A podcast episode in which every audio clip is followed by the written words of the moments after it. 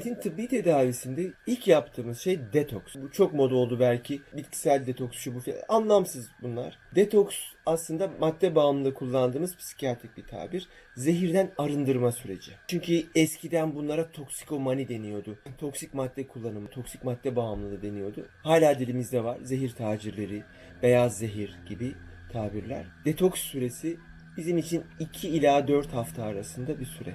Burada ne yapıyoruz? Kişiyi tıbben kötü etkilemeyecek, karaciğerini falan etkilemeyecek ilaçlar veriyoruz. Sakinleştirmek için met çekilmesinde çok ciddi vücut ağrıları oluyor ve ayağa kalkamıyorlar. Çok halsiz oluyor. Günlerce uyuyabiliyorlar. 3 gün 4 gün uyuyabiliyorlar. Bu sırada çok dokunmamak lazım. Gerçekten bir ay ondan e, hiçbir şey verim beklemeyin. 6 ay bildiğiniz anlamda eski haline dönmesini beklemeyin. Biz bu sırada benzodiazepin grubu kullanabiliyoruz. Pregabalin kullanabiliyoruz. Fakat burada bir ayrım var. Benzodiazepin ve pregabalini daha sonra anlatacağım. Pregabalin metin ağrılarını durduran, metin yerine geçebilen bir şey ama metin de kapısını açık tutuyor. Başka ne veriyoruz? Epilepsi nöbeti geçirmesin diye karbamazepin gibi antiepileptikleri verebiliyoruz. Danışanın kişilik özelliklerine göre bir antidepresan seçiyoruz. Kuşkuculuğuna göre. MET'te çok fazla kuşku oluyor. Kişi takip edildiğini düşünüyor, halüsinasyonlar görüyor. Antipsikotik verebiliyoruz. Kullanmayı reddedebildiği için depo antipsikotik olabiliyor. Karışık ve çoklu bir ilaç tedavisi var. Mutlaka ve mutlaka psikiyatri uzmanlarına ihtiyacımız var. Hani şimdi bir yasa çıkarılmaya çalışıyor. Bağımlılık danışmanı vesaire. Bunlar çok saçma yani.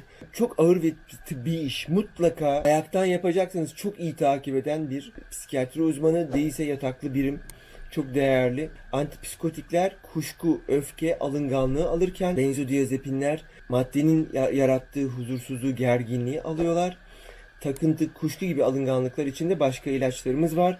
Epilepsi nöbeti geçirmesin ve dürtüselliği azalsın diye e, dürtü kontrolüne dönük ilaçları kullanıyoruz ki bunların çok büyük bir kısmı antiepileptik nörologların kullandığı, saraya karşı kullandığı ilaçlar. Bunları veriyorsunuz. Hasta uyuyor, sakinleşiyor, detoks tamamlanıyor. Sonraki amacımız yavaş yavaş hastanın e, uyanıklığını sağlamak, hayata katılmasını sağlamak. Bu ilk ağrılar, epilepsi riski, diğer sorunlarımız azaldığında, be- belirgin olan kuşkular azaldığında yavaş yavaş hayata katılmasına dönük şekilde ilacı ayarlamaya çalışıyoruz. Kullandığımız değişik ilaçların her birinin o çok olumlu etkileri olduğu gibi olumsuz etkileri de var. Bunları ayarlamamız gerekiyor. Bunları sonsuza kadar kullanamıyoruz. Yani artık met kullanmıyorsun. Bunları hayat boyu kullanacaksın gibi tedavi şeklimiz yok. Hayata katacağımız minimal ilaçla idameyle gitmek istiyoruz. Bu tedavi 6 ay 1 yıl sürebilir. Sizin belirtilerinize, hayata katılma derecenize göre. Bizim de amacımız olabildiğince hızlı geri çekilmek. Hepsini çekmek ve sizi tekrar adapte etmek. Yavaş yavaş bu yüzden ilaçları değiştirip en çok istediğimiz SSRI'larla ve dürtü kontrolü sağlayan ilaçlarla kalmak. Burada iki ilaç grubu çok önemli. Bir tanesi hassasiyetleri olduğu için pregabalin, öbürü de naltrokson. Naltrokson beyinde aşerme merkezini kapatan bir ilaç. Türkiye'de ruhsatlandırılmamış durumda. Çok zor buluyoruz. Bunun 3-6 aylık 1 yıllık iğneleri var. Türkiye'de böyle çantacılardan filan 3 aylık iğnesini 7-8 bin liraya bulunuyor. Euro ile geliyor bunlar. Hapı da var. Günlük kullanabiliyorsunuz. Eroin, alkol, sigara tüm bağımlılıklarda son derece işe yarayan bir şey. Hatta birkaç davranışsal bağımlılıkta da kullandık makalesini yazacağız bunun. Çok iyi sonuçlar aldığımız bir ilaç ama bulmakta gerçekten çok zorlanıyoruz.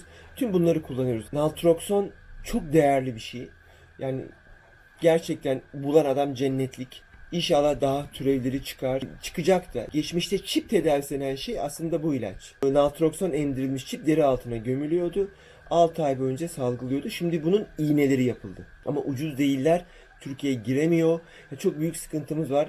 Keşke devlet bunu el atsa. Yani bağımlılıkla gerçekten mücadele etmek istiyorsa bunları kolaylaştırmalı diye düşünüyorum. Bunun dışındaki en önemli ilaç özelliği olan, farklı özelliği olan pregabalin.